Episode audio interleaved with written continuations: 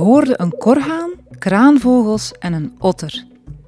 Beeld je in dat Vlaanderen zo klinkt, nu of binnen een aantal jaar, in jouw buurt of misschien net iets verder weg in Vlaanderen.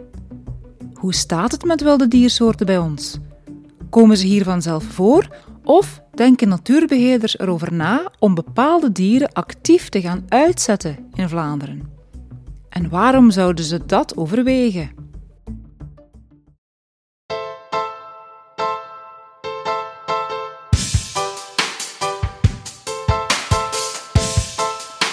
Welkom bij de tweede aflevering van Wild Vlaanderen, een podcast van EOS Wetenschap over de verwildering van de natuur bij ons in Vlaanderen.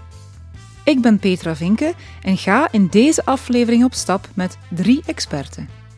Ze vertellen elk met veel passie over het natuurgebied dat ze beheren of over de diersoorten die ze onderzoeken.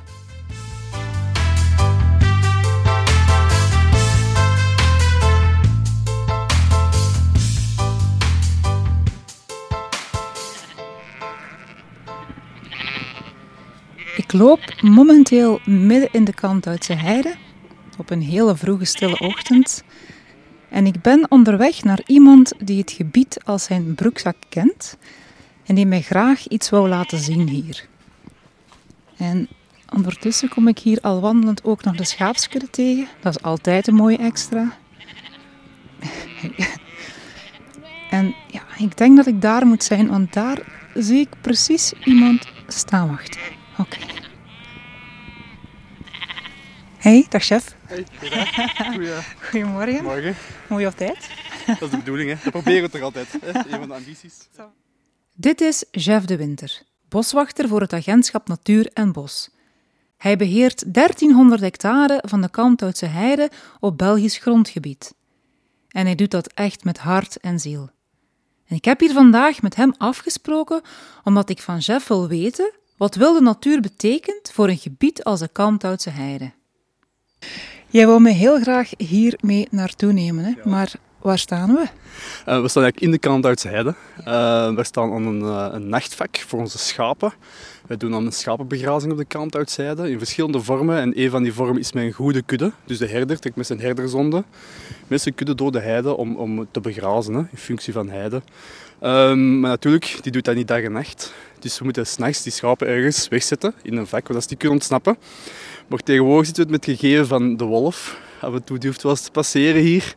Blijkbaar is de kant uitzijde een redelijk aantrekkelijk gebied voor dat dier. Um, en natuurlijk lust je graag ook wel af en toe wel eens iets uh, van schaap. Um, vandaar dat wij onze nachtvak hebben moeten uitrusten met een uh, wolfwerend raster noemen we dat dan. Om die wolf toch te kunnen tegenhouden. Ik zie inderdaad twee stroomdraden aan de buitenkant van de omheining. Eentje bovenaan en eentje onderaan het schapenraster. Het lijkt mij nogal drastisch en ik vraag me af of één draad echt niet kan volstaan. Ja, die wolf heeft altijd de neiging als hij schapen ziet en die herkent daar eten in. Die denkt van, oh, dat zal wel lekker kunnen zijn. Um, die probeert in dat vak te geraken. De wolf, zeggen ze, 90% van de geval probeert hij te ondergraven.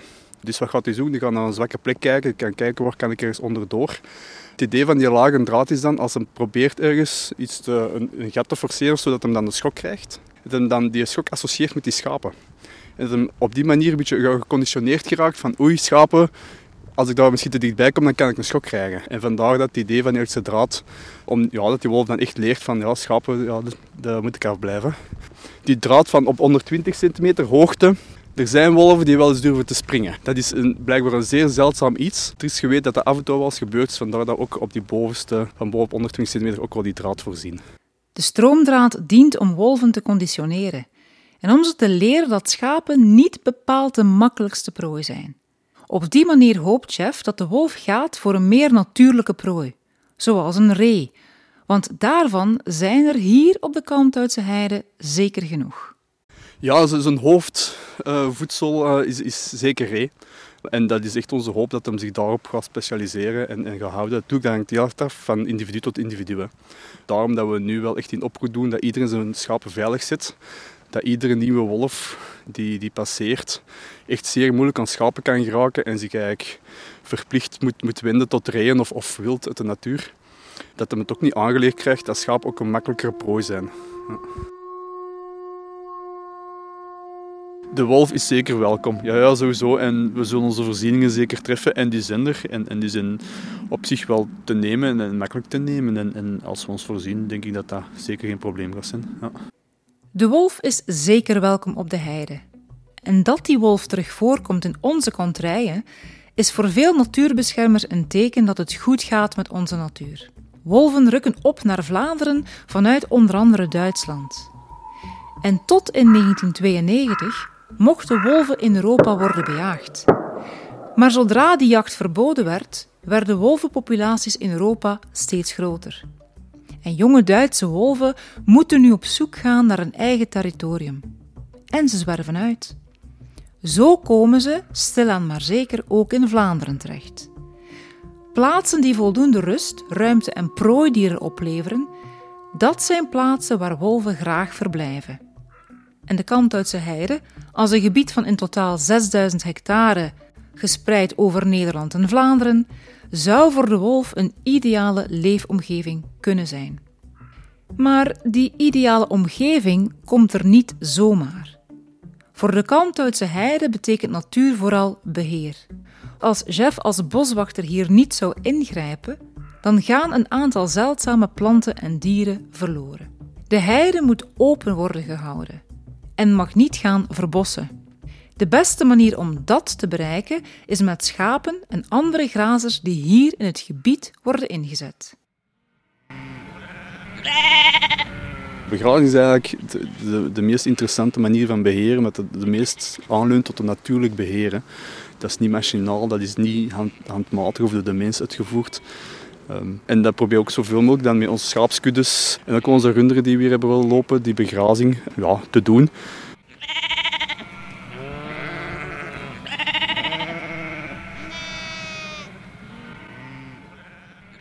Vroeger hadden we meer echt de neiging van oh, dat soortje, dat moeten we echt specifiek daarvoor beheren en opzoeken en wie heeft dat nodig. En dat, dat proberen we ook wel meer en meer los te laten.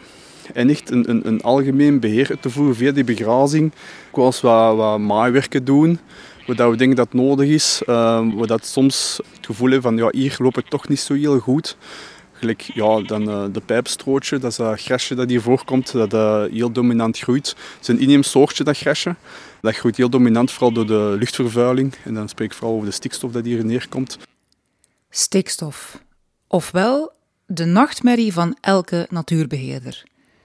Stikstof is afkomstig van de landbouw, het verkeer, de industrie, maar ook van de Antwerpse haven, die hier in vogelvlucht nog geen 20 kilometer vandaan ligt. Wanneer stikstof vanuit de lucht neerdaalt en terechtkomt op de grond, spreken we van stikstofdepositie of stikstofneerslag. Het goedje verzuurt de bodem en spoelt ook essentiële mineralen weg. Daarnaast wordt de bodem ook vermest. Dat betekent dat bepaalde minder gewilde planten, zoals het pijpenstrootje, goed gaan groeien, maar dat andere, meer zeldzame planten volledig verstikt en overwoekerd geraken. Voor Jeff is het soms vechten tegen de bierkaai. En het ziet er niet naar uit dat het meteen beter wordt. Want momenteel is er twee keer zoveel stikstof als de heide aan kan. Bepaalde planten, maar daardoor ook insecten en andere dieren, gaan ernstig achteruit. En voor sommige soorten moet Jeff alles op alles zetten om de soort alsnog te kunnen redden. Dat is onder andere het geval bij de zeldzame en beschermde heivlinder. Ja, dat is een beschermde soort, heivlinder. Dat is een typische heidesoort. Maar daar gaat het helemaal niet goed mee. De laatste jaren zien we die zeer zwart eruit gaan. Vooral in de kleinere heideterreinen, waar dat die nog aanwezig is, uh, is die heel sterk ja, weggegaan of zelfs ondertussen al verdwenen. In Kaantuigt hebben we nog een redelijk goede populatie. Die we proberen natuurlijk wel nu te versterken, omdat we merken van oei, die gaat echt wel achteruit. De heivlinder is een kieskeurig vlindertje. Hij heeft open stukjes nodig om te kunnen zonnen, maar ook plekjes waar hij beschut zit tegen de wind. En daarnaast moet er ook nectar zijn. Maar zoveel bloemen of kruiden met nectar zijn er hier op de heide niet. En dus moest een creatieve oplossing worden bedacht. En, en een van de radicaalste dingen, ah ja, radicaalste, uh, op zich is dat niet zo radicaal een heideterrein, maar veel zien dat precies van hoe we sinds hier aan doen, is terug kleine akkertjes aanleggen in uw heideterrein, wat ze vroeger ook deden. Want ja, ze hadden wel eens schapen, dus ze konden wel wat een schaap, schapenvlees af en toe eten, maar ja, je hebt ook wel groentes nodig. En, en dat proberen we nu toch te doen, maar in die akkers, ja, daar groeien heel veel soorten kruiden en planten in, dat heel veel insecten aantrekt, dat dan weer heel interessant is voor zo'n nachtzwaluw.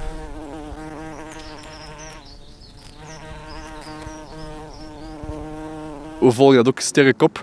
Uh, binnen ons monitoringsplan heet dat dan. Dus dat zijn vrijwilligers die echt gaan kijken van uh, naar die specifieke soorten. Hoe doen, die het, hoe doen die het jaar na jaar? Om dan ook te zien van, ja, zijn we goed bezig of niet?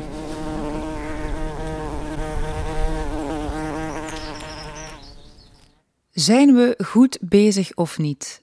Dat vraagt chef zich af en toe af. Volstaat het om de heide te beheren met grazers en met gericht beheer waar dat nodig is? De toekomst zal het uitwijzen voor de heivlinder. Maar voor de nachtzwaluw, een van de typische wilde vogelsoorten van de heide, lijken de maatregelen alvast voldoende effect te hebben. Je hebt misschien ooit al dit geluid gehoord op een zomeravond.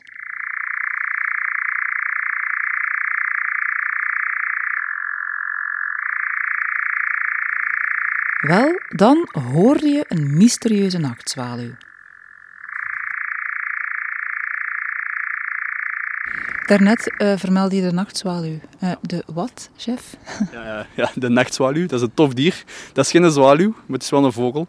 Um, dat is eigenlijk een, een, een vogel dat uh, s'nachts actief is. Het ziet eruit like een, een zwaluw. Die heeft ook een insecteneter, dus die, die heeft ook een grote bek. Die vliegt ook s'nachts open met zijn bek open om dan insecten te vangen. Ja, en dat is ook een trekker. Uh, die gaat altijd naar uh, Centraal-Afrika om te overwinteren. Die komt dan naar hier. Um, en die heeft die heide echt wel nodig. Uh, vooral als voor zijn nest te maken. is een grondbroeder. Die maakt zijn nesten op de grond. Altijd wel wat beschut, onder de kruin van een boom dat omgevallen is of zo.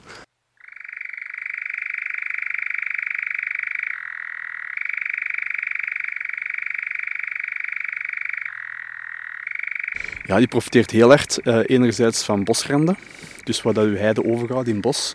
Uh, kleine struikjes, kleine plantjes uh, onder een boompje. ook niet alles te mooi houden, niet alles mooi opruimen. dus ook niet die perfecte heidevlaktes, daar is die ook niks mee. Dat je enkel maar paarse heide ziet. We willen daar ook eens een boompje in, ook dat pijpstrootje, dat gras mag daar ook wel in voorkomen. Een boom dat daar is in omgevallen en zo.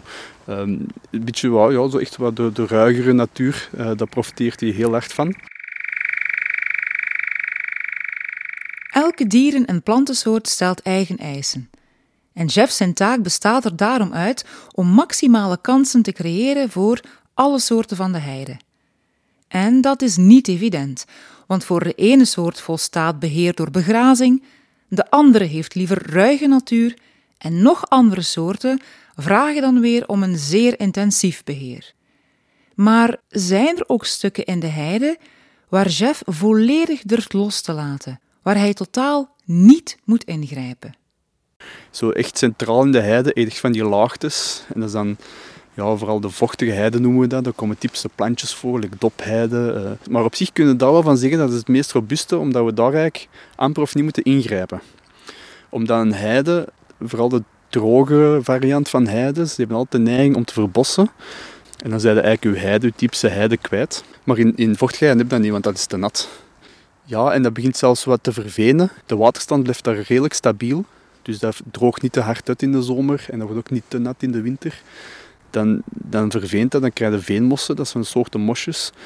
En, en ja, dat is eigenlijk een, een systeem dat zichzelf echt in stand kan houden. Natte natuur is voor Jeff echte wilde natuur. Maar de klimaatverandering maakt het hem wat dat betreft af en toe best moeilijk. Dat heeft impact. Als we zien naar de klimaatopwarming, en dan kijk ik vooral ook naar die droge zomers. Deze zomer hebben we een beetje geluk gehad, maar de twee zomers ervoor, uh, in 2019 en 2020, die waren extreem droog. Hebben gezien als de grondwaterstand zeer zwaar gezakt is. Heel veel vinnen zijn drooggevallen. Um, en ja, dat, dat, degradeert dan. Hè. De, andere soorten komen daarin. Uh, de zeldzame soortjes nemen dan af. Chef doet aan beheer waar het moet, maar laat los waar het kan. Al maken stikstof en de klimaatverandering het hem niet makkelijk. Waar ik ook benieuwd naar ben, is naar Jeff zijn standpunt over het herintroduceren van dieren op de Kalmthoutse heide. Zoals bijvoorbeeld korhoenen. Die hebben hier geleefd tot het eind van de jaren 70, begin jaren 80. En oud-collega's van Jeff hebben de dieren nog gezien of gehoord. Op de heide moet 40 jaar geleden dus dit geluid te horen geweest zijn.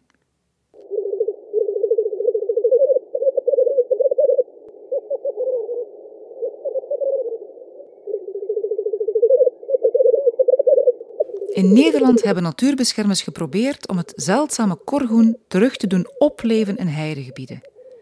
En ze haalden daarvoor s'nachts wilde korgoenen uit Zweden en lieten die daarna los bij de soortgenoten die al aanwezig waren in een Nederlands heidegebied. De Zweedse korgoenen moesten zorgen voor meer voorplanting. Spreek gerust over een soort kweekprogramma. Zou Jeff ook overwegen om het korgoen terug naar de Kantduitse heide te halen?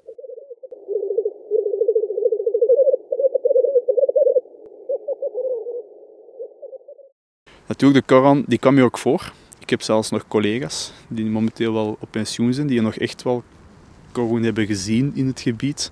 En die kwam eigenlijk nog veelvuldig voor. Maar die ineens, ja, is die ineens verdwenen op een paar jaar. Natuurlijk neemt niet weg dat dat nog misschien wel een soort is dat misschien wel kan terugkomen. Hè. Ja, uh, misschien dat we ons gebied op een bepaald moment toch wel zo op zo'n pijl kunnen krijgen van oké. ja, uh. Maar voorlopig denk ik dat het heel moeilijk is. En het is er niet rustiger op geworden hier in de Kalmthuiszijde. Dus ik denk dat dat ook wel een factor is dat dat moeilijk gaat zijn. Maar ja, we houden altijd wel open, die optie. Het korgoen zou een mooie kers op de taart van de heide zijn. Want wanneer deze vogels zich terug thuis voelen op de heide, dan geeft dat aan dat het goed gaat met de natuur. En dat er sprake is van bijzonder natuurherstel. Maar voorlopig zijn de omstandigheden niet goed genoeg om het dier terug naar hier te halen. Te veel stikstof, te weinig insecten, te weinig rust en roofdieren zoals vossen maken een terugkeer moeilijk. Maar hoe zit het dan met het introduceren van andere, grotere dieren?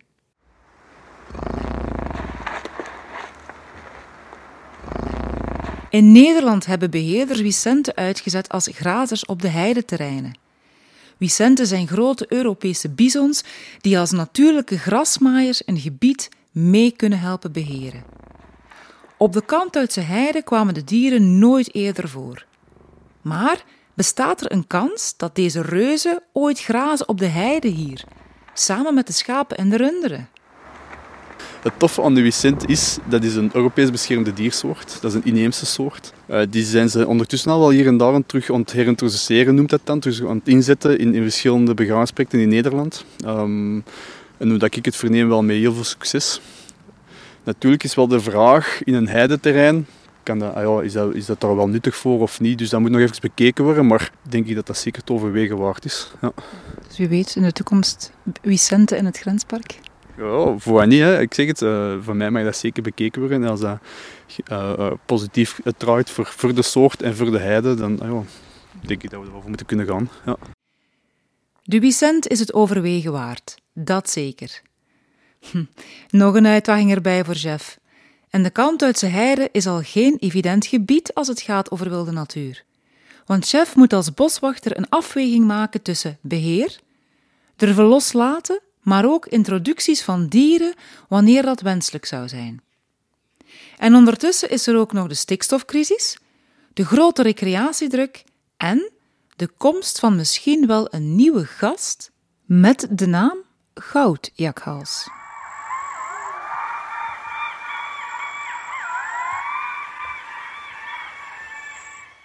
Dat komt eigenlijk hier van nature niet echt voor. Ook nooit voorgekomen. Dat is meer een, een dier van de, de meest Oost-Europa.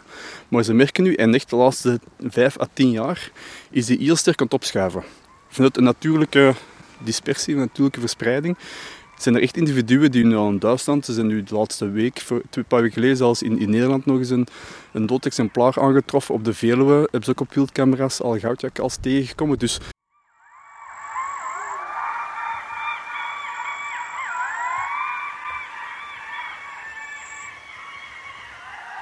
maar, maar het lijkt echt op een vos. Hè. Um, ik heb mezelf nog nooit mogen waarnemen, die goudjakkals. Um, natuurlijk, uh, ik ben wel op het wachten. Natuurlijk een toffe waarneming zou zijn. Maar ja, uh, hoe dat ik het zie op foto's en op filmpjes, ziet het er echt wel uit like een, een grote vos. Ik weet zelfs niet of ik daar echt direct een, een goudjakkals in zou herkennen. misschien dat ik ook gewoon een grote vos in zou zien.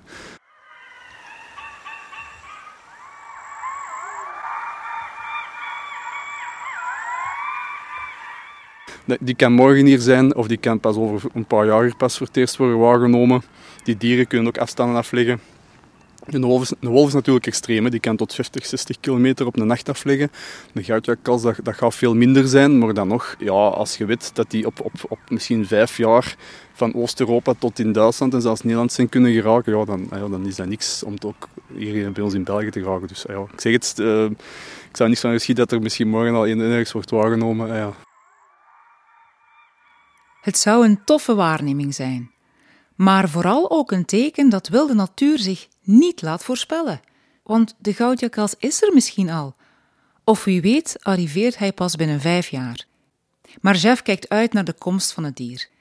En misschien is dat net wat een goede beheerder kenmerkt. Een open blik. Een wilde natuur niet in hokjes willen duwen, maar flexibel kijken naar wat kan in een gebied, rekening houdend met alle kansen en beperkingen.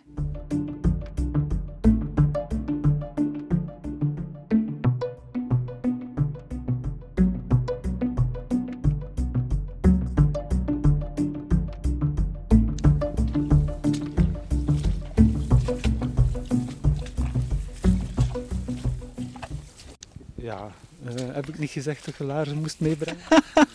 Oké, okay. Uh, en ik doe Lies laarzen na. Uh, ja, dat belooft. ik sta hier dus met mijn wandelschoenen, maar goed, met natte voeten gaat ook, neem ik aan. ik ben bij Christophe van Akkeren, in de vallei van de Zwarte Beek in Limburg. Een van de grootste natuurgebieden van België met heel veel natte natuur. Christophe is consulent natuurplanning bij Natuurpunt en het aanspreekpunt voor de vallei van de Zwarte Beek. En ik? Ik ben hier op bezoek om het gebied te leren kennen en ik heb geen laarzen bij. Dat is ook weer typisch iets voor mij. Christophe kan er gelukkig om lachen en besluit daarom om een deel van het gesprek buiten te doen en een ander deel binnen. Zo kunnen mijn schoenen, die zonder twijfel nat zullen worden, wat opdrogen. Ik vind Christophe na dit voorstel meteen ontzettend sympathiek. En we starten ons gesprek buiten. En we zijn nog maar net buiten of we zien meteen van alles. Hier vliegt net een putterken over. Ik ging net vragen, krijg je die als bezoeker makkelijk te zien en jij ziet meteen een putter vliegen. Ah, wel ja, en, en uh, als je de wandelroutes volgt van de Zwarte Beek, zult je zeker uh, putters zien. En voor ons twee reeën die uh, vooruit lopen. Maar geweldig. En in de verte op de achtergrond ook al een grote zilverreiger zie ik daar zitten. Dat zijn al drie soorten die ik heb gezien op amper twee minuten tijd. Christophe is duidelijk en terecht trots op alle soorten die voorkomen in het gebied. En hij vertelt me dat hier bijna twintig koppels grauwe klauwier broeden. Een soort die in Vlaanderen best zeldzaam is. Maar er zitten ook andere kwetsbare soorten, zoals geelgors, kneu, porseleinhoen en graspieper. Christophe vraagt me om echt goed uit te kijken waar ik loop. Dit is trouwens echt, uh, hier zitten snippen in te broeden. Hè. Dus als we hier gewoon doorlopen, gaan we waarschijnlijk ook wel wat opstoten. Dus laten we misschien niet te ver lopen. Nee, okay. Maar dit is echt uh, een ja, perfect geschikt habitat voor uh, een nestlocatie voor watersnip. We zien op dit moment geen watersnippen, want ze zitten vaak bijzonder goed gecamoufleerd. Maar als je ooit dit bijzondere geluid hoort in de vallei van de Zwarte Beek,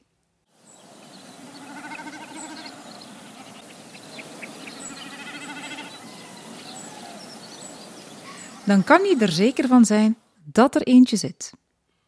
En Christophe vertelt me trots waarom deze bijzondere vogel het boegbeeld is geworden van de vallei. Ja, um, de Zwarte Beek is eigenlijk eh, een belangrijk gebied voor, voor, voor vogels die eigenlijk gebonden zijn aan dat veen, aan die natte natuur. En, um, de Zwarte Beek is eigenlijk altijd uh, de laatste decennia het bolwerk geweest, of het laatste bolwerk geweest voor de watersnip. Dus we spreken over Vlaanderen, ik denk van 25 à 30 koppels, waarvan dat eigenlijk 3 vierde of 75 procent van de populatie hier in de Zwarte Beek zit. Christophe vertelt me dat de veengebieden van de vallei essentieel zijn. Veen slaat namelijk veel broeikasgassen op, zelfs meer dan bomen doen. En als het veen zou verdrogen, dan komen al die opgeslagen gassen weer vrij. En in tijden van klimaatverandering is dat niet zo'n goed idee. Bovendien zijn veel dieren van veen en natte natuur afhankelijk voor voedsel of voor nestplaatsen. Je nest verstoppen op een hele drassige en daardoor onbereikbare plek is bijvoorbeeld de manier om de vos een stapje voor te zijn. Christophe benadrukt daarom hoe belangrijk het is dat het veen hier bewaard blijft, want het is echt wel vijf voor twaalf voor veengebieden wereldwijd. De Zwarte Beek is, wel een van de grootste en misschien wel meest intacte veengebieden in Vlaanderen. Maar dat wil niet zeggen dat de kwaliteit van dat veen goed is of dat, dat er niks moet gebeuren of niks moet gedaan worden om die kwaliteit te verbeteren of te behouden. Um, dus we zijn op verschillende plaatsen bezig in de Zwarte Beek om kerngebieden te vrijwaren van verdere degradatie van het veen. Want, want op dit moment ik kan wel zeggen dat het, misschien de meest intacte veenvallei is in Vlaanderen, maar bijna gebiedsdekkend is er een, is er een hele grote, intensieve drainage. De randen van het gebied van de vallei werden altijd zwaar gedraineerd. Want Vlamingen zijn namelijk kampioenen in ontwatering. Voor de land- en tuinbouw, maar ook voor drinkwater, onttrekken wij heel wat water aan de grond. En verdroging loert dan om de hoek. Om dat in de vallei tegen te gaan, kan Christophe rekenen op de steun van het Care Peat project. Een veenherstelproject van de Europese overheid. Maar ook de vele vrijwilligers met een groot hart voor de vallei werken hard aan het herstel van natte natuur. En dat begint te lonen. Christophe neemt me mee verder het natuurgebied in naar een plaats waar wandelaars normaal niet mogen komen. En hij toont me hoe de natte natuur hier, stapje per stapje, hersteld wordt. Het is best zwaar wandelen op die dikke laag veenmos en af en toe moeten we even stoppen om op adem te kunnen komen.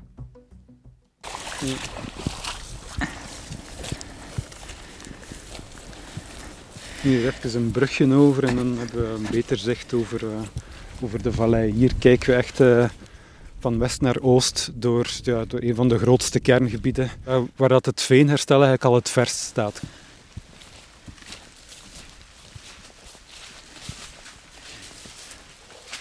Het zijn enorme oppervlaktes. Hè. Ik denk dat we hier nu, als je de bomen op de achtergrond uh, in acht neemt, dat je alles daartussenin op, op misschien wel een kleine 120 hectare uh, staat te kijken nu. Um, ik vind het een van de mooiste uh, landschappen eigenlijk van, van Vlaanderen. Ik ben keer op keer enthousiast als ik hier mag komen. Um, het, het verveelt niet.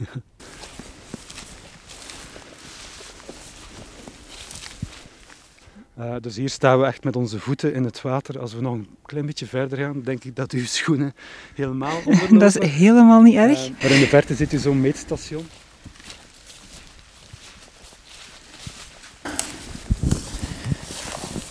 Dus hier zitten we dan eigenlijk pal op de grens met, uh, met het veen. Hè. Dus hier gaat het echt nat beginnen worden. En het is net ook deze gordel uh, in het gebied die eigenlijk heel interessant is. En het meest, een van, misschien toch wel de meeste biodiversiteit herbergt, omdat je het veen in de buurt hebt. De, de iets drogere percelen zitten ook in de buurt met wat, wat bramenkoepels voor de klauwier, uh, wat zones met hogere vegetatie voor, voor karakieten en zo, blauwborst. En dan ook de, de echte korte, lage moerasvegetatie, waar dat dan um, die hele specialistische soorten aanwezig zijn. We gaan nog wat verder het gebied in, want Christophe wil mij heel graag trilveen laten zien. Tot nu toe heb ik nog geen natte voeten, maar de reactie van Christophe die baart mij een beetje zorgen. Ik heb nog altijd geen natte voeten. Het zal u misschien verbazen, maar het, het, het gaat nog. Ja, maar daar kan ik wel voor zorgen. Dat je... Het trilveen waar we nu staan is zeer hoogwaardig veen. Het is een zeldzaam bodemtype. En als je erop stapt, dan voelt het bijna alsof je op een waterbed loopt. Ja. Oeh. Dat is geen evidentie om daar door te gaan. Ik ga gewoon in jouw voetstappen volgen, denk ik. De veenvallei heeft zich hier al de afgelopen 10.000 jaar gevormd. De bovenste laag van dat veen is helemaal verdroogd geraakt door landsgebruik en drainage. Onderin zit het veen sowieso intact, maar het is die bovenste laag die volledig ja, op de vaantjes is. En hier zitten we dus wel in een, in een fase waar dat we dus eigenlijk wel terug actieve veenopbouw kunnen verwachten.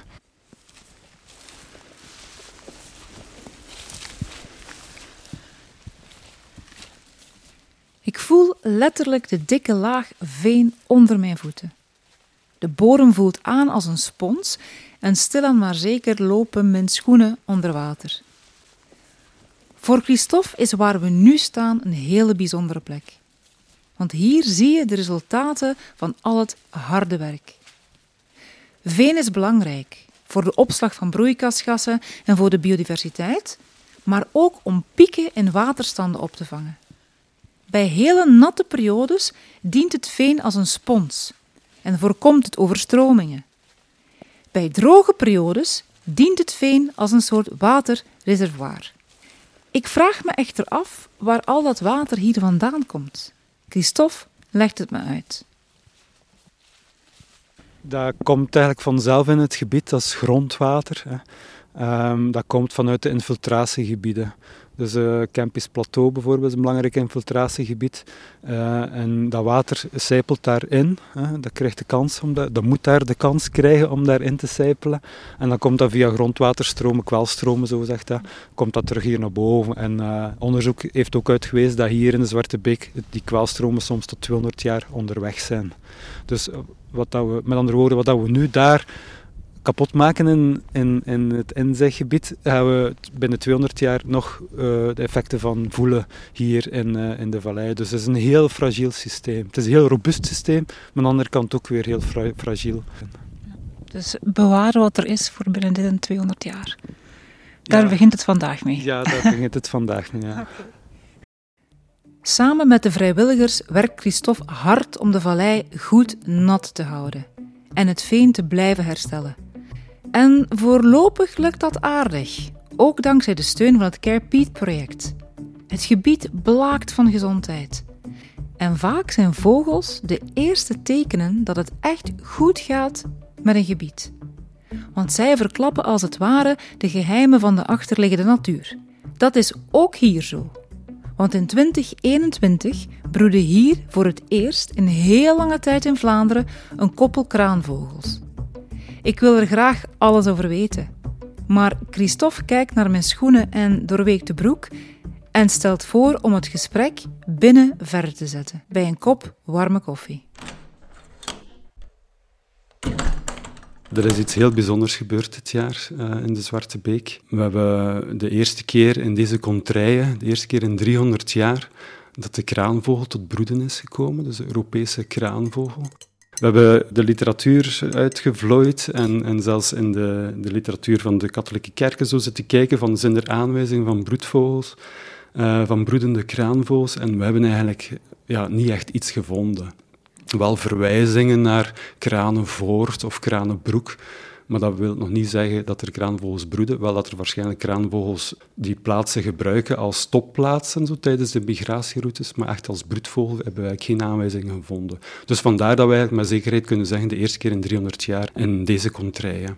Kraanvogels zijn bijzonder mooie en sierlijke vogels, die wij in Vlaanderen vaak alleen maar waarnemen als ze overvliegen tijdens de trek.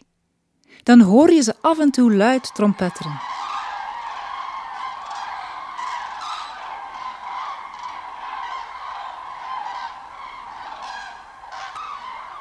En voor Christophe was het broedende koppel in de vallei van de Zwarte Beek de beloning voor veel jaren van hard werken aan natte natuur.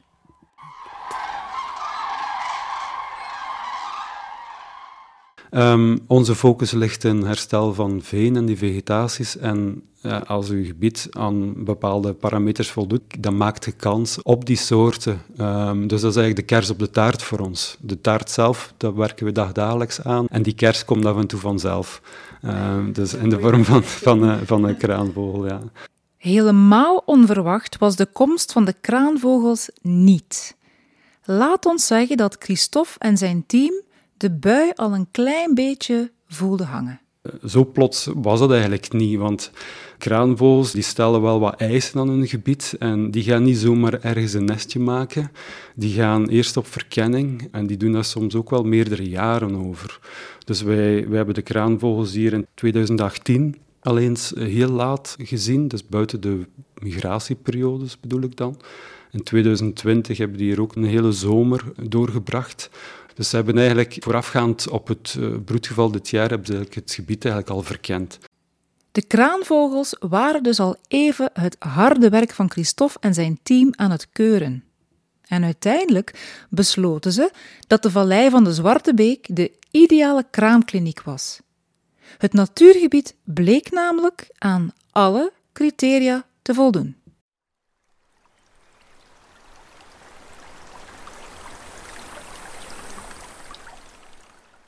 Kraanvogels stellen bijzondere eisen aan hun, aan gebied. Ze hebben een lange fase van het opkweken van de vogels, het opbrengen van de vogels. Dat is niet zoals een pimpelmees die op drie weken tijd vliegvlugge jongen heeft. Dus bij een kraanvogel doen ze daar wel twee tot drie maanden over. Dus ze stellen hoge eisen aan het gebied. En die eisen zijn dat er voldoende water in de buurt moet zijn, dus echt natte, drassige gebieden. Dat uh, beschermt hen tegen predatoren en tegen indringers. Dus ze maken hun nest echt wel in de meest natte zone, met gewoon wat platgetrapte vegetatie. Dus het is geen schoon nest, het is geen mooi nest, het is gewoon een, een vrij eenvoudig nest. Maar het is wel volledig omgeven door bijna ondoordringbaar moeras. Um, het tweede vereiste is dat er genoeg voedsel aanwezig is en vooral dierlijke eiwitten zijn. Het is een planteneter over het algemeen, maar in de, voor het opbrengen van de kuikens hebben ze dierlijk eiwit nodig. Dus grote insecten, moerassprinkhanen, kevers, rupsen, wormen. En dat vinden ze ook in grote massa's in die veengebieden hier. En een derde is dat die heel verstoringsgevoelig zijn. Dus als die merken dat er daar passage is van, van mandelaars of auto's of tractoren of noem maar op, dan gaan die daar niet beginnen broeden.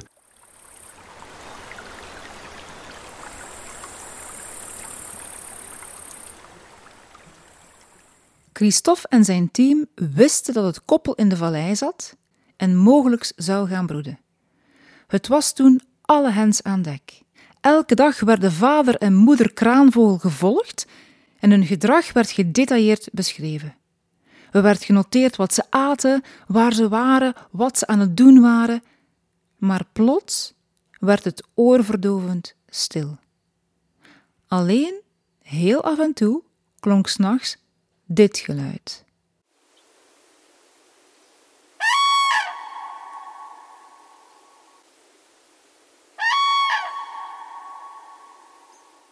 Alsof de vogels elkaar iets wilden zeggen.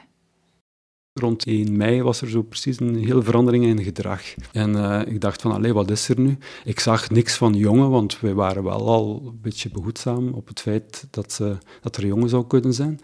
Maar er was niks te zien. Die zitten zo verscholen in die vegetatie. Dus ik ben dan in een boom geklommen en, uh, en blijven kijken, blijven zoeken. En dat was nogal een gevaarlijke situatie, want ik stond op een tak die dunner is dan mijn pols. En ineens zag ik toch zo een een klein bruin donskuiken blinken in het, in het, in het zonlicht. Dat was precies zo'n goudklompje op uh, twee tengere poten.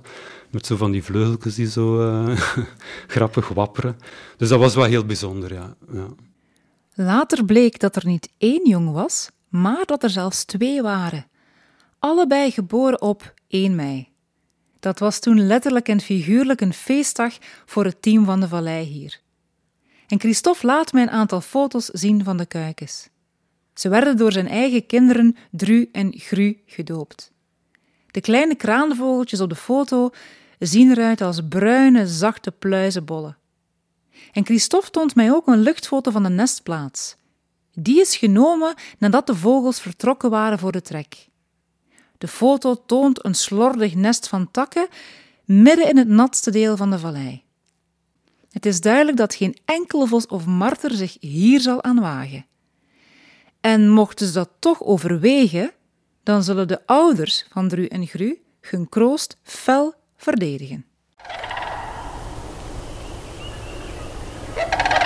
Ja, die gaan er achteraan met opengestrekte vleugels en bij mij van spreek stampende poten. En, en ook, dus die, die doen wel hun, hun ding. Natuurlijk, als een everzwijn of een ander groot roofdier er toch aan geraakt aan het nest, dan is dat natuurlijk wel... Allez, een vogel kan het niet halen tegen zo'n groot zoogdier.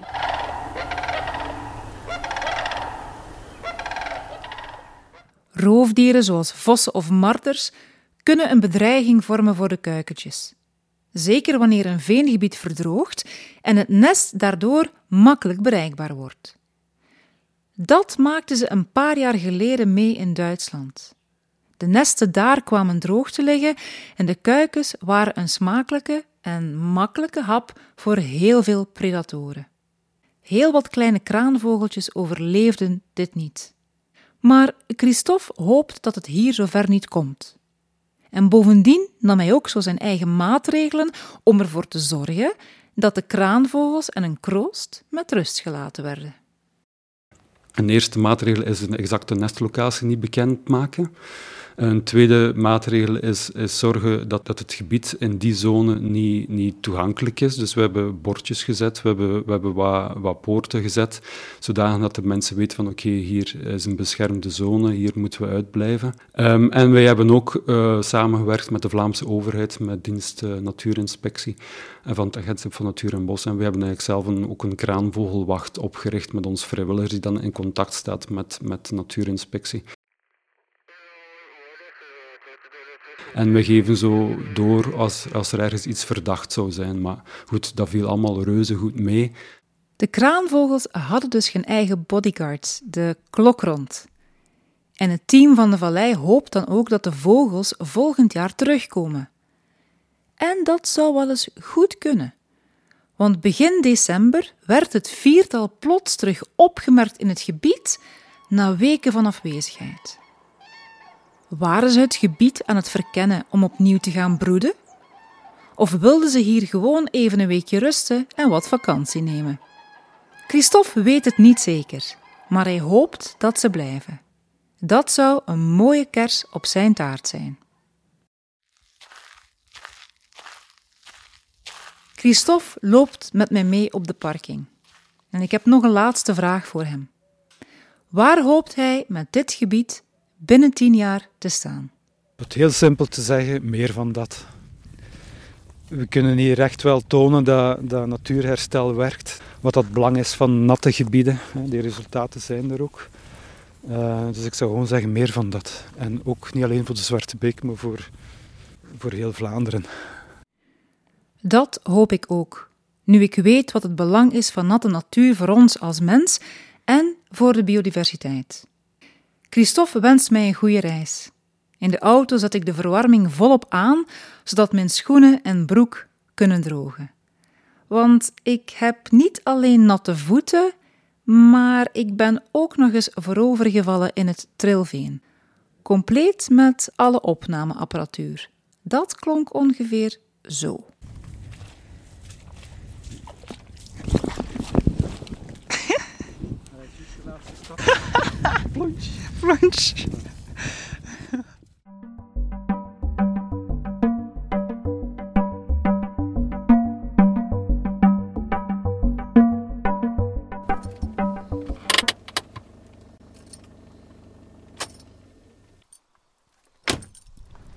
Ik ben net toegekomen uh, op een van de parkings langs de Antitankgracht.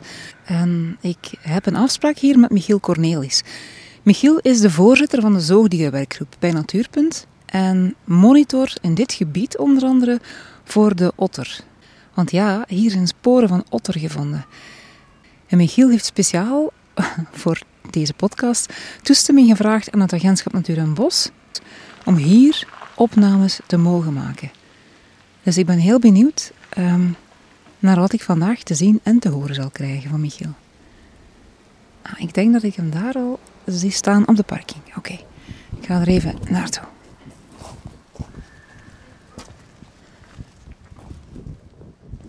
Hey, dag Michiel.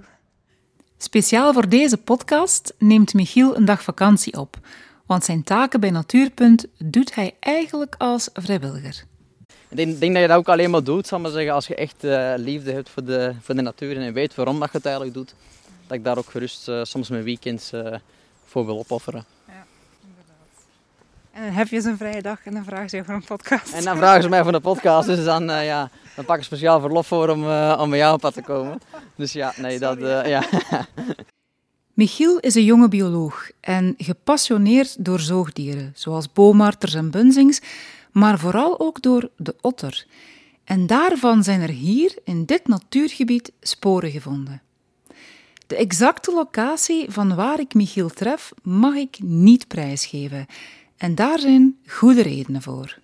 In het verleden is hier al otter uh, waargenomen, dus in dat principe houden we graag die locatie redelijk uh, geheim, is veel gezegd, maar wel uh, van, vanwege de verstoring te voorkomen. Want dat dier houdt toch echt wel van rustmogelijkheden.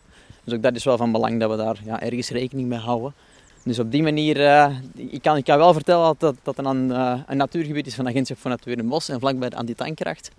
Maar de expliciete naam ga ik niet vernoemen. De antitankkracht is 33 kilometer lang en werd gebouwd net voor de Tweede Wereldoorlog. Het doel van de gracht was om Antwerpen te beschermen tegen een mogelijke Duitse tankaanval. Want de zijde van de gracht vormde namelijk een helling die veel te steil was voor de tanks van die periode. Vandaag is de gracht een beschermd monument en vooral ook belangrijk voor planten en dieren. De gracht verbindt natuurgebieden en bossen met elkaar en zorgt er daarom voor dat dieren en planten makkelijker van punt A naar punt B kunnen gaan. En dat geldt ook voor de otter. En naar sporen van die otter, daar gaan wij vandaag naar op zoek. Ik stel voor dat we eigenlijk hier uh, ingaan, zal ik maar zeggen. Ik denk dat dat uh, het makkelijkste is. Ja. En dat we dan uh, even een korte tour doen. Hier misschien wel goed voor jou om te weten. Ja. Um, het zijn de eerste sporen van otter gevonden in december 2017 maar zeggen, we toen sporen teruggevonden. En dan uh, het voorjaar 2018 ook. En in 2000, uh, 2018 in december dan we zeggen, ook nog iets met gewoon DNA-stalen vanuit INBO. Hebben we dan ook nog bevestiging van otter hier vastgesteld. Dus de eerste keer in 2017 officieel bevestigd? Ja, officieel bevestigd inderdaad. Ook mee vanuit INBO. We hebben ook prenten gevonden, de spootafdrukken van otter. Um, en dan daarna, zeggen, het voorjaar 2018 ook opnieuw. En in december 2018 ook opnieuw sporen. Michiel vertelt me hoe hij en zijn team van monitors hier in 2017 en 2018 de eerste sporen van een otter terugvonden. Dat bleken zogenaamde sprains te zijn, of uitwerpselen. Het Instituut voor Natuur- en Bosonderzoek, kortweg het INBO, heeft met DNA-testen kunnen aantonen dat het wel degelijk ging om een otter. Dus hier, uh, zal ik zeggen, lopen we dan uh, in het afgesloten stuk van uh, het natuurgebied Um, en hier zijn dan ook in het verleden die, uh, die ottersporen gevonden. Die ottersporen bestonden uit uh, sprains, voornamelijk. De sprains zijn eigenlijk de, de otterdrollen, zullen we zeggen, die uh, gelegd worden. En daar waren heel duidelijk bijvoorbeeld visgraten in te zien en, en visschubben. Want het voornaamste voedsel van de otter is, is voornamelijk vis. Ongeveer 80% van hun dieet bestaat uit vis. Maar die eten bijvoorbeeld ook amfibieën en, en, ratten en kleine watervogels. Dat durven ze ook wel pakken. Maar over het algemeen is vis hun favoriete voedingsbron. Dus ook dat, dat zagen we heel duidelijk terug in die, in die sprint. Dus dat was wel uh, meteen een kenmerk van hey, we moeten beter gaan opletten hier in, in natuurgebied. En we gaan verder onderzoek doen. Michiel vertelt hoe op de sprints een DNA-test werd uitgevoerd. En daaruit bleek heel duidelijk dat het om een otter ging. Belangrijk om te weten is dat een DNA-staal goed moet worden afgenomen en dat het beter om een verse otterdrol gaat met een slijmlaagje. Dat klinkt een beetje smerig, maar het is net die slijmlaag die ervoor zorgt dat DNA goed kan worden afgenomen. Ga je te diep in de sprint, dan krijg je het DNA van de prooidieren en niet van de otter. En dat zijn kostelijke foutjes, zeker als je weet dat een DNA-test, compleet met verwerking, toch al snel 100 euro kost.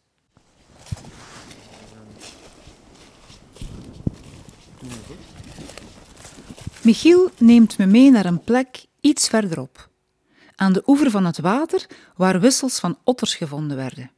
Een wissel is een plaats waar een dier vaak langskomt. En aan de platgetreden begroeiing zou je kunnen zien dat hier bijvoorbeeld een otter uit het water aan land kroop. De wisseltjes, dat zijn eigenlijk de locaties waar uh, wild in en uit water uh, kan komen. Dus zeker uh, voor otter bijvoorbeeld is een bepaalde breedte, zal maar zeggen, moet die minimaal hebben. Want vaak ratten, die komen ook wel degelijk uit het water. en die hebben dan, ja, die wisseltjes zijn vaak maar 5 tot 10 centimeter maximaal vaak waar, die dieren doorlopen. Uh, tegenover otter, ja, dat is ook een groter, groter dier. Dus die, deze wissels zijn ook veel, veel groter. En zeker daar is van belang om te kijken, hey, als we zo'n grotere wissel tegenkomen, dat we even daar rond gaan kijken van liggen er bijvoorbeeld uitwerpselen van uh, otter of zijn er prenten te zien afhankelijk van waar je zit uh, in het landschap. Als, bijvoorbeeld, als, er echt een, een, vlakke oever is met zand en dergelijke, is zeker de moeite waard om wel daar even te gaan kijken voor, uh, voor, voor, prenten van, van otter. En anders, als er echt grassige vegetatie staat, ja, dan is zeker de moeite waard om eens te kijken voor, voor, voor, voor die sprains. Ik vind het best spannend om te zoeken naar sporen. En Michiel en ik zoeken de omgeving af. Naar uitwerpselen, naar wissels of naar pootafdrukken. Maar momenteel vinden we niks. Otters zijn best zeldzaam in Vlaanderen. Ze zijn in het verleden fel bestreden geweest en vermoedelijk daardoor uitgestorven bij ons in Vlaanderen. Maar sinds 2012 duiken er op verschillende plaatsen in België af en toe sporen op die wijzen op de aanwezigheid van een otter. En volgens Michiel zijn er ondertussen een twintigtal individuen die terug in natuurgebieden in Vlaanderen leven.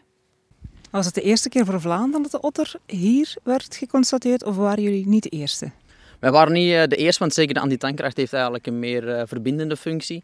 Dus ook even, hoe zal maar zeggen, vanuit Nederland richting eh, het Scheldebek is toch wel zeker een, een belangrijke verbinding door het Antwerps. Een groen-blauwe lint door het landschap. Ehm, dus ook dat is wel van belang. In 2012 is er bijvoorbeeld een verkeersslachtoffer geweest in Ranst op de snelweg. Dus ook die verwachten we eigenlijk dat die aan die tankkracht gebruikt heeft om op die manier eigenlijk uh, ja, Vlaanderen mee te gaan ontdekken. Ehm, en in 2017 uh, hebben we ook nog de, het, het verkeersslachtoffer van Kalmthout gehad. Maar onze sporen waren in 2017 na het verkeersslachtoffer van, van Kalmthout. Helaas worden er ook af en toe verkeersslachtoffers gevonden. En het onderzoek blijkt dan dat overleden otters al een hele weg afgelegd hebben voor ze in ons land helaas onder de wielen terechtkwamen. Het dier uit Kalmthout kwam, volgens DNA-onderzoek, uit Duitsland. En het dier uit Ranst kwam uit Nederland. Dit toont aan welke afstanden otters kunnen afleggen op zoek naar een eigen leefgebied.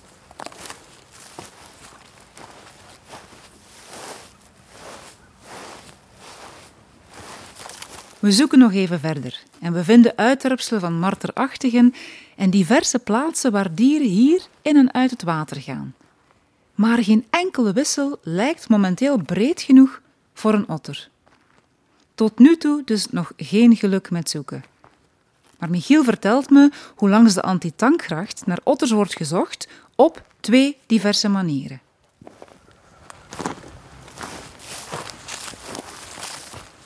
Dus in principe hebben we echt gewoon twee grote methodieken. Is zelf met de voetjes maar zeggen, het veld ingaan en uh, op pad gaan om, uh, om eventueel sprains of, of prenten te vinden, dus pootafdrukken.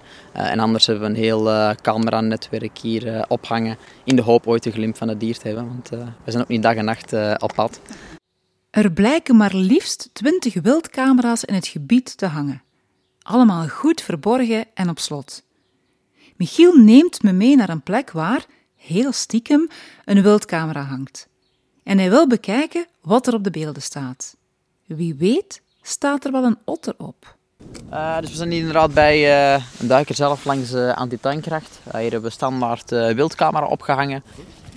De otter gaat geen gebruik maken van de duikerconstructie die er zelf ligt. Dus eigenlijk een betonnen duiker onder water. Daar houdt het die niet van. Dus je gaat echt langs de oeverzijde eruit komen. Dus hier hebben we wildcamera opgehangen om te kijken van hey, wel, welke zoogdier en hopelijk ooit otter komt die voorbij huppelen. Dus uh, ik heb, zal maar zeggen, even de beelden al erbij genomen.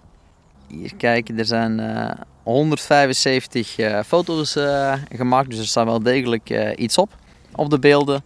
Um, maar als ik er heel snel doorkijk en klik, dan zie je al Vos bijvoorbeeld passeren, Rea. Behalve rust heeft een otter uiteraard ook voedsel nodig. En dat vindt hij hier, op de plaats aan de antitankgracht waar wij nu staan, in overvloed. Maar dat is niet overal in de gracht het geval. Uh, dus voornamelijk rust is een heel belangrijke factor, maar ook hij moet natuurlijk voldoende voedsel uh, vinden. Uh, maar hij heeft een grenswaarde van 90 kg per hectare aan witvis dat moet komen. Dus hij prefereert wel degelijk in zijn menu gewoon kleine witvis, dus rond 20 centimeter. Die zal hij gewoon als hij aan het jagen is onder water, had hij die zo opeten. Maar ook grotere vissen bijvoorbeeld kunnen voorkomen. Maar die drempelwaarde van die 90 kg per hectare, is eigenlijk een drempelwaarde voor een leefbare populatie aan otter te kunnen huisvesten. En evengoed uw visstand zelf lokaal, uh, dat zich nog kan voldoende ontwikkelen door de heen jaren. Dus dat daar geen drastische achteruitgang uh, in voorkomt. Ja. En de waterkwaliteit? Ja, en de waterkwaliteit is ook een heel belangrijke inderdaad. Um, en zeker afgelopen eh, jaren wordt er heel hard aan gewerkt om die terug optimaal te krijgen. Maar in het verleden is wel zeker uh, bijvoorbeeld met zware metalen in het water en zo. Um, ja, dat, kan, dat heeft wel degelijk ook een, ook, ook, een effect op de, op de reproductie bijvoorbeeld van, van otter. Je moet rekenen bijvoorbeeld otter die gaat uh, paling eten. Uh, paling is echt typisch een, een, vis die, die over de bodem gaat en erin gaat, gaat liggen vroeten en uh, doen. Ja, en dan zie je eigenlijk bijvoorbeeld die, die paling, zal maar zeggen, die gaat een x aantal bijvoorbeeld of een bepaalde milligram aan, zwaar, zwaar metaal opdoen in zijn weefsel. Die paling die zal er niet van dood gaan meteen. Maar je krijgt wel het effect van bioaccumulatie, om het meer een heel moeilijk uh, woord te gaan zeggen. Uh, bioaccumulatie wil eigenlijk zeggen een opeenstapeling, een opeenstapeling van verschillende schadelijke stoffen. Uh, dus bijvoorbeeld als, als die otter vijf palingen heeft gegeten, heeft hij wel vijf keer, zal maar zeggen, net het percentage binnen dat, dat die paling maar per individu binnen had. Dus ook dat, zal zeggen, heeft een effect bijvoorbeeld op de reproductie en op het voorkomen van uh, een leefbare populatie. Een otter zoekt leefgebieden op met rust, met voldoende voedsel en met een goede waterkwaliteit. En daarnaast zijn otters ook zeer territoriaal. Mannetjes hebben een jacht- en leefgebied nodig van 20 kilometer oeverlengte. Dat zou dus betekenen dat de antitankgracht met zijn 33 kilometer lengte één otterkoppeltje kan huisvesten. Dat lijkt weinig, maar Michiel ziet de antitankgracht vooral als een soort verbindingsweg om otters vlot van de ene naar de andere waterzone te loodsen. Wij zien de antitankkracht ook eerder meer als uh, een, een, verbindingsroute. Dus een ecologische verbindingszone om eigenlijk de otters vanuit Nederland, bijvoorbeeld richting uh, het Scheldebekken en richting bijvoorbeeld het project Otterland dat daar ook loopt. Uh, voor nu al momenteel onze huidige otters die we in Vlaanderen het, hebben, zal maar zeggen dat we daar ook de genetische variatie met die, die uitwisseling kunnen krijgen. Dus ook dat is belangrijk. We lopen weg van de duiker en gaan verder het natuurgebied in. Een prachtig bos met weilanden en een beek ontplooit zich. Ik voel me soms wel bevoorrecht dat ik hiermee mag monitoren. En ook uh, van het agentschap voor Natuur en Bos toelating heb om hier uh, top te volgen.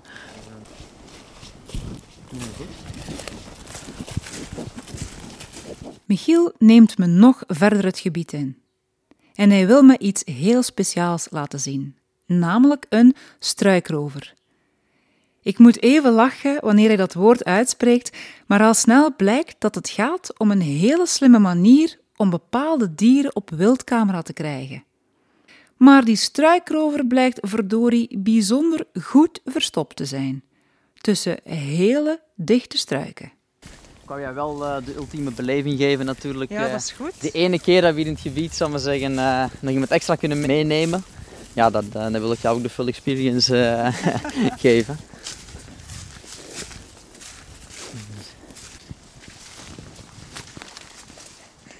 De bosjes van... Uh... Amai, Michiel, waar neem jij me mee naartoe? Ja.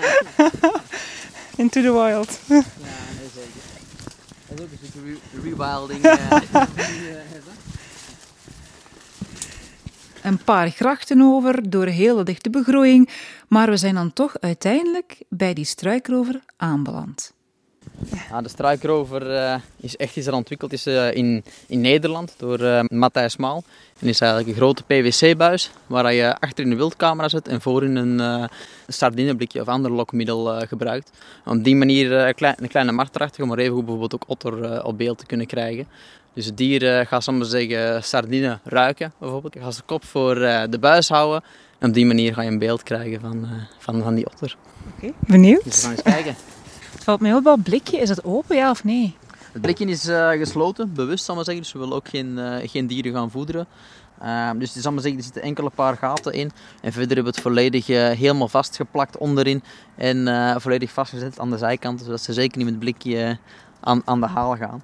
Ja, maar even altijd een kijkje nemen, even de, de SD-kaart eruit halen.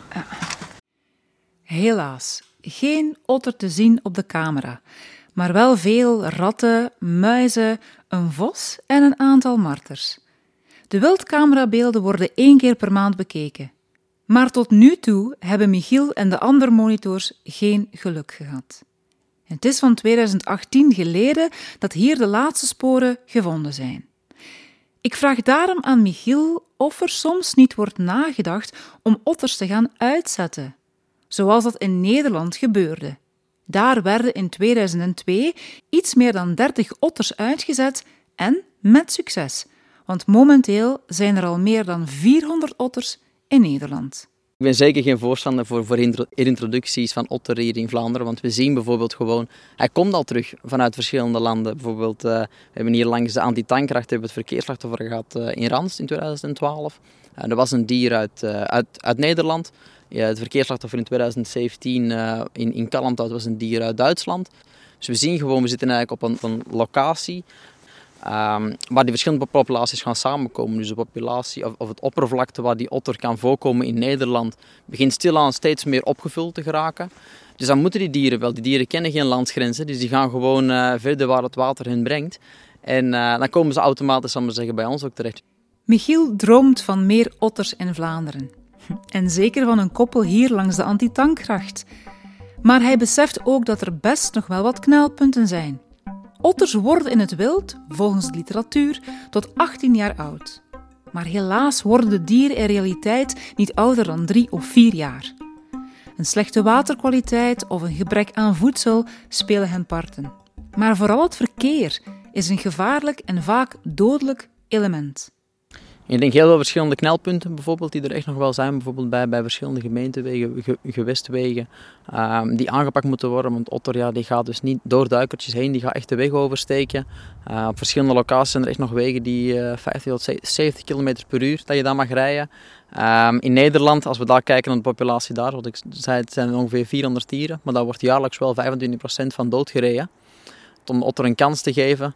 Uh, en zeker langs de Antitankracht hebben we al twee uh, verkeersslachtoffers gehad in het verleden. Ja, is echt wel van belang om bijvoorbeeld te kijken van hey, hoe kunnen we die knelpunten ook echt inventariseren, is één punt. Maar ook actie erop zetten om daar uh, achteraan te gaan en te zeggen van kijk, we gaan ecotunnels of dergelijke aanbrengen om die, die otters van plaats X naar plaats Y te krijgen. Verkeerswegen zijn vaak dodelijk voor otters. Want de dieren zwemmen niet onder duikers door, maar kruipen aan land om dan, aan de andere kant van die duiker, terug het water in te gaan. En dat betekent dat ze soms wel eens onder de wielen van een auto terechtkomen. En ik vraag daarom aan Michiel of er hier, in dit gebied van het agentschap Natuur en Bos, al aan oplossingen voor de verkeersknelpunten wordt gewerkt. Alle knelpunten langs aan die tankkracht zijn uh, geïnventariseerd. Um, en ook, hebben we ook voorstellen gemaakt van, hey kijk, uh, op die of die manier kunnen we het beste aanpakken om het ottervriendelijk te maken en even voor andere zoogdieren. Dus uh, die plannen zijn er. Het is nu inderdaad uh, nog, nog de uitwerking ervan of, actie ondernemen. Ik denk dat dat de, de belangrijkste vervolgstap is. We zijn bijna terug bij de parking. En Michiel beklemtoont hoe belangrijk een goede samenwerking is met alle betrokken partijen als het gaat over de otter. En daarom werd het Zoorbeschermingsplan Otter opgesteld. Een actieplan om onder andere te werken aan verkeersknelpunten, aan de visstand en de waterkwaliteit. Kortom, een plan om de otter alle kansen te geven. En ook educatie is belangrijk om mensen te sensibiliseren, want otters werden vroeger fel bejaagd. Aan het einde van de 19e eeuw werden zo goed als alle otters in een paar jaar tijd uitgeroeid. Vissers zagen het dier als zware concurrentie. Maar nochtans is dat niet nodig. Een otter eet gemiddeld 1 kilogram vis per dag en vormt dus geen bedreiging voor de visvangst. Ter hoogte van de parking zien Michiel en ik een visser staan. En we besluiten meteen te polsen naar hoeveel de man weet over otters. Meneer, mag ik u iets vragen? Ik ben een podcast aan het maken over de otter. Over de? Otter. Ja. Zou ik u een vraag mogen stellen?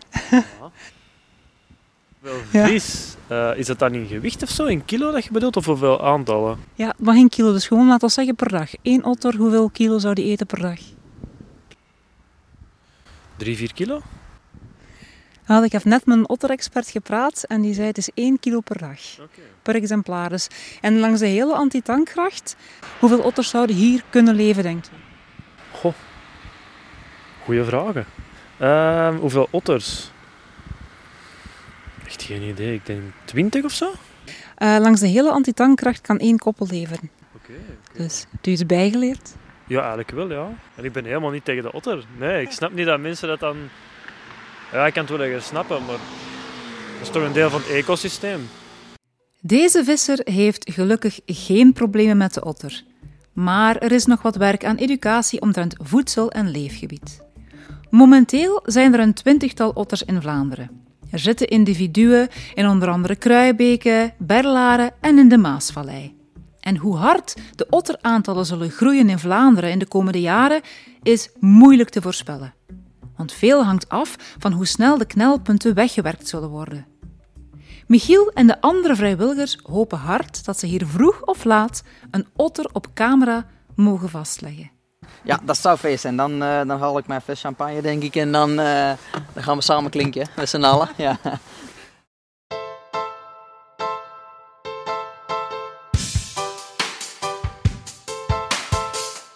Dit was de tweede aflevering van Wild Vlaanderen, een podcast van EOS Wetenschap over de verwildering van de natuur bij ons in Vlaanderen.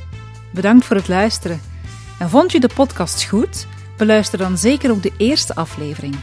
Die legt uit wat rewilding voor onze contraien betekent.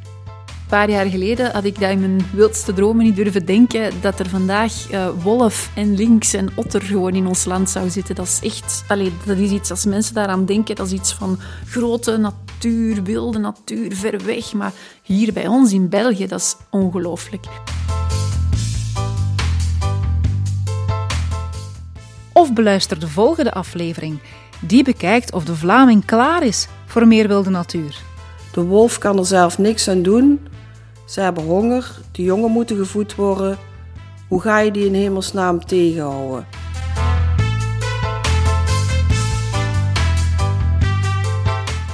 Je mag ook een recensie nalaten. Zo weten ook andere luisteraars dit audioverhaal makkelijk te vinden.